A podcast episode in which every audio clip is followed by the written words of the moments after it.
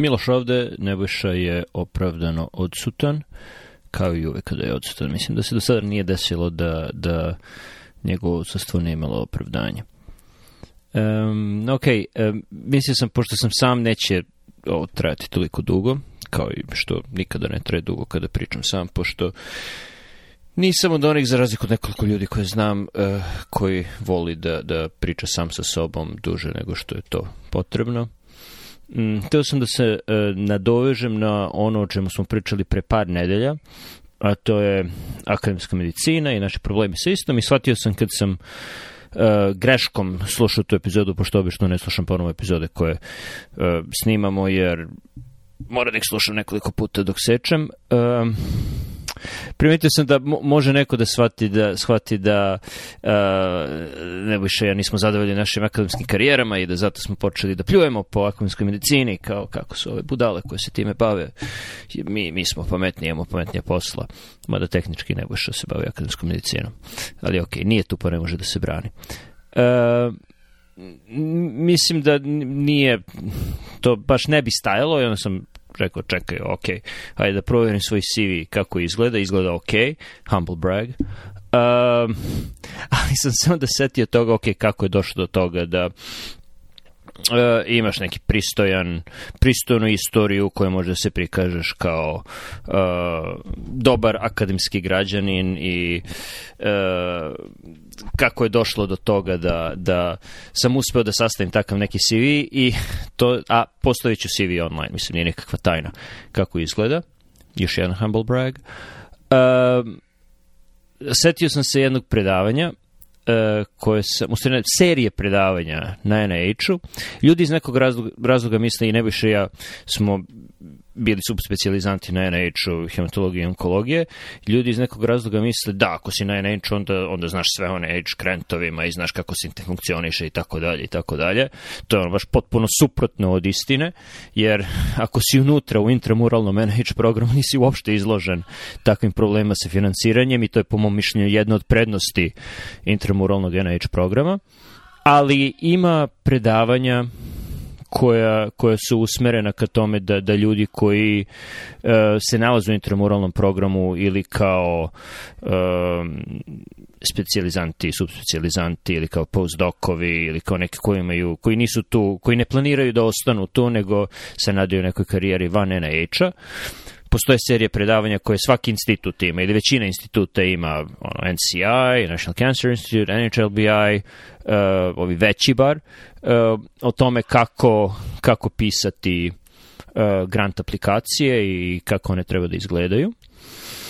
I išao sam na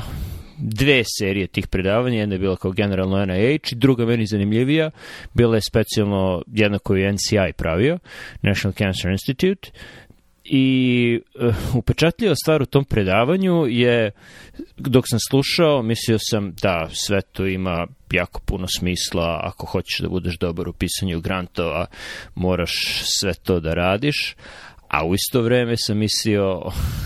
ne, ovo nikako nije dobro, ovo je suprotno nauke, ovo je užasno, šta ovi ljudi, šta nas uče, kako treba da razmišljamo, kako treba da se ponašamo.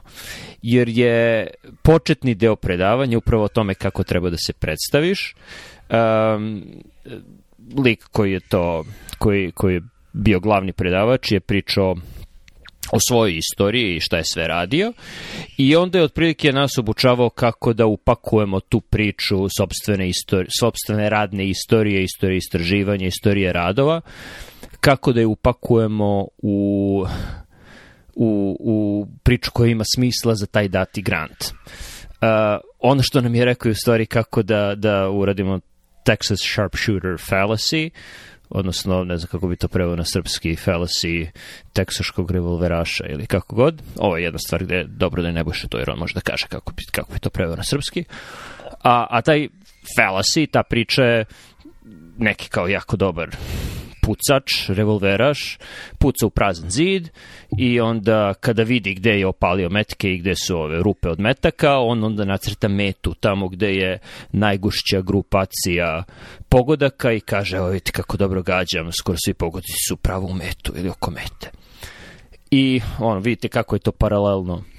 ovome što su, što su nam pričali na tom uh, kursu za pisanje grantova, da, da upakujemo tu priču. Nešto slično su govorili i o pakovanju podataka, naučnih podataka, um, hipoteze koju, koju želite da dokažete ili opovrgnete e, i preliminarnih, preliminarnih podataka koje imate o toj hipotezi i tu je isto fokus bio u priču i, u, i fokus je bio na tome kako um, ta hipoteza i dizajn studije treba da se upakuju na najsvarljiviji mogući način za ljude koji treba da ocene taj grant. Ali to je ono o čemu sam pričao sa Nebojšom pre par nedelja, tako da ne bih da se vraćam na to. Mislim da je i to generalno uh, pogrešno i onda dolazite u situaciju gde gde se ocenjuje ne sama nauka i ne šanse da će nešto uspeti ili neće, mada ko zna da li će nešto uspeti ili neće, niko nije vidovit i da znamo da li će nešto uspeti ili neće, ne bi se bavili studijama, e, već, već se onda ocenjuje to da li su vam margine ok i da li imate lepe ilustracije i da li je tekst koji ste poslali čitljiv ili ne. I taj deo mi se ne sviđa. Mislim, da se razumemo, prilično sam dobar u tom delu, zato što sam, opet malo, Texas Sharpshooter Fallacy, uh, još od osnovne škole uređivao sredinom 90. godina na, na svom onom 486-ici PC-u sam se bavio uređivanjem školskih novina, tako da sam dobro upoznat sa pravilima dobrog formatiranja, proreda i, i, i toga da kako treba da se koriste, koriste fontovi i veličina i, i, i kako da koristim stilove u Wordu, ali ali kakve to veze ima sa tim da li vam je hipoteza dobra ili ne, nema nikakve. To su dve odvojene veštine uh, i sve više ocenjamo ljude e, i, i grantovi ocenjuju ljude po tome kako su im dobre veštine u Wordu i veštine pričanja priča, a ne toliko veštine naučnog razmišljanja i, i e, dizajna dobre studije. E, ok, to je, to je deo... E, to je deo ono mog iskustva slušanja, predavanja o tome kako se treba pisati grant. Uh, na kraju mi u stvari uh, prijavio sam se do sada za, za nekoliko grantova, dobio sam jedan samostalan od četiri za koje sam se prijavio i jedan grupni od dva za koje sam se prijavio, tako da to u stvari nije loš skor. Uh, na kraju pare nisam vidio ni od jednog ni od drugog, pošto sam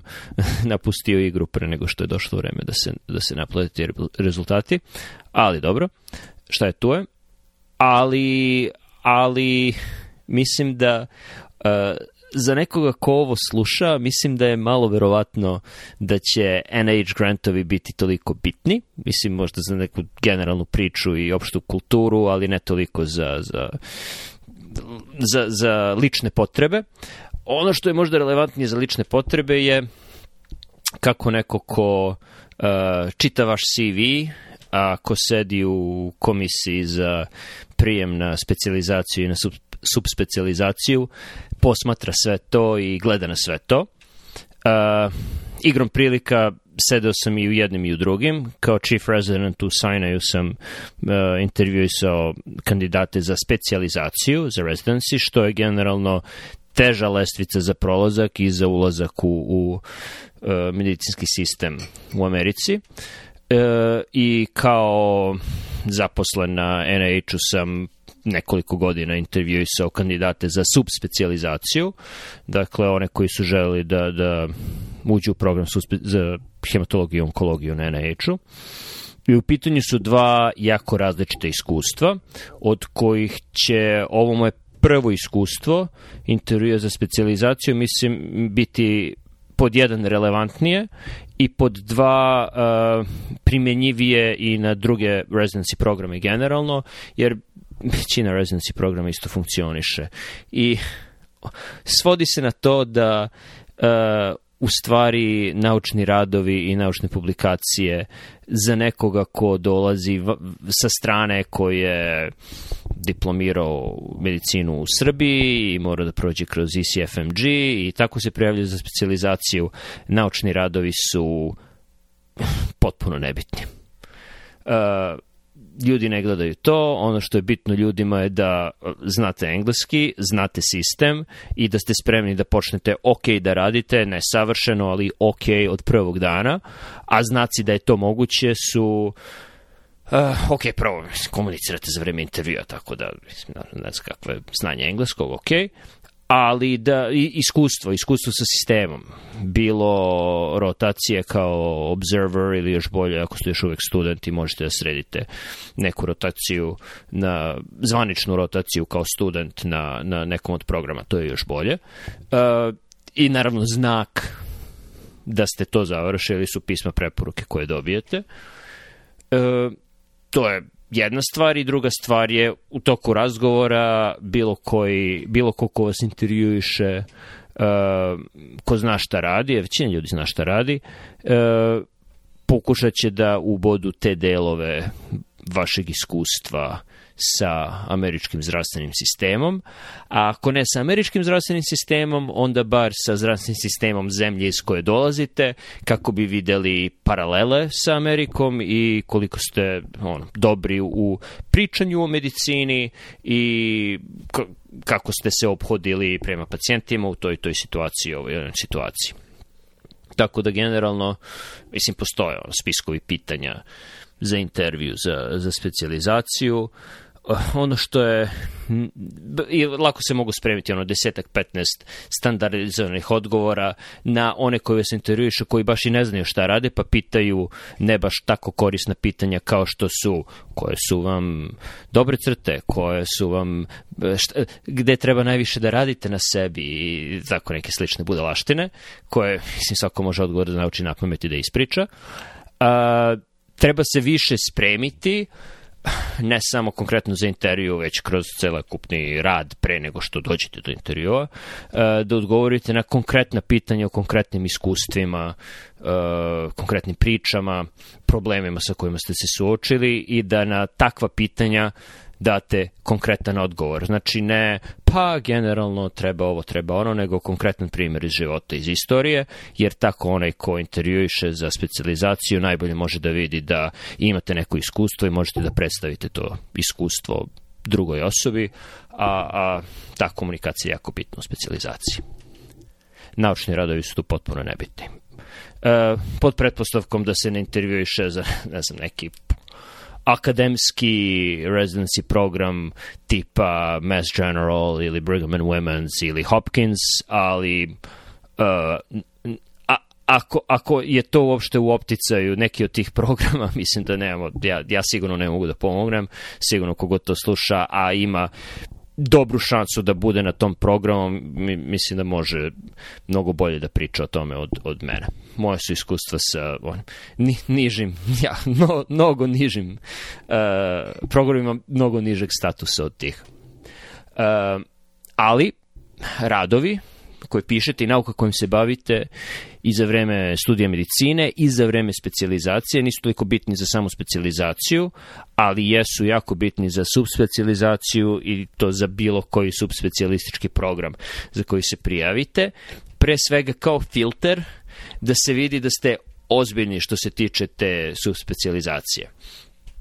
Dakle, ako imate ono eh, par radova koje su koje se bave, ne znam, kontrolom glukoze i hemoglobina A1C kod pacijenata sa diabetesom, a prijavljujete se za program iz kardiologije, to je onda pitanje, hm, čekaj, da, da li ste se onda nedavno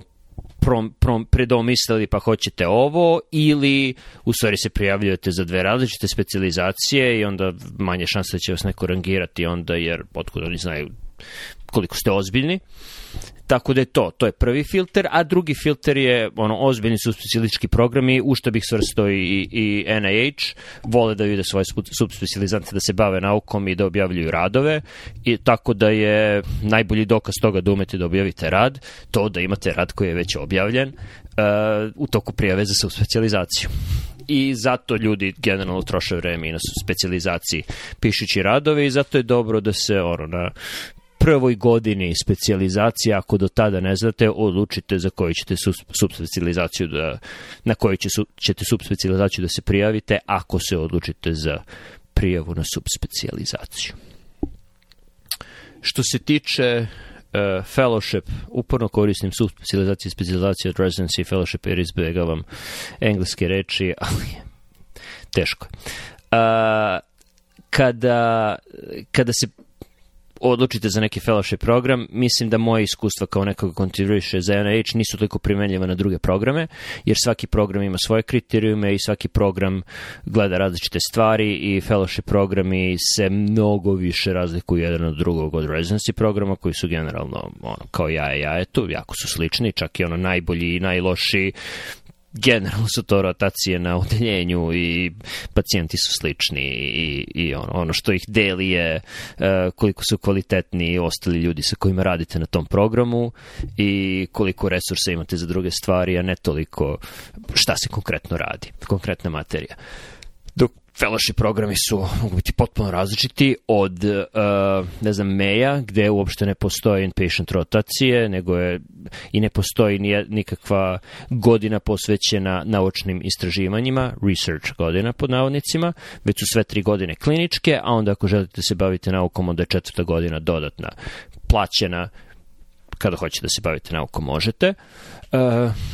do programa tipa NIH-a, gde ako hoćete samo onkologiju da završite, ne hematonkologiju, imate godinu dana klinike i dve godine nauke uz jedan dan klinike nedeljno. Uh, tako da, da je širok dijapazon programa i širok je dijapazon onoga što oni traže kod svojih subspecializanata, ali do tog trenutka već ste u američkom zdravstvenom sistemu ono, dve, tri godine, tako da, da nije, nije toliko veliko pitanje šta treba raditi i kako treba raditi i tu je ono najbolji pokazatelj šta su radili drugi ljudi iz vašeg residency programa, gde su oni išli i kako su njihova iskustva. Jer to, to je generalno uh, na, najbolji pokazatelj toga šta vi možete da očekujete. Uh, ok, mislim da sam već pretekao i to dobro pretekao dužinu ostalih solo epizoda, tako da ću ovde završiti. Uh, mislim da će sledeća epizoda biti 99. što je jako visoko i mislim da će i Nebojša biti tu. Vidjet ćemo.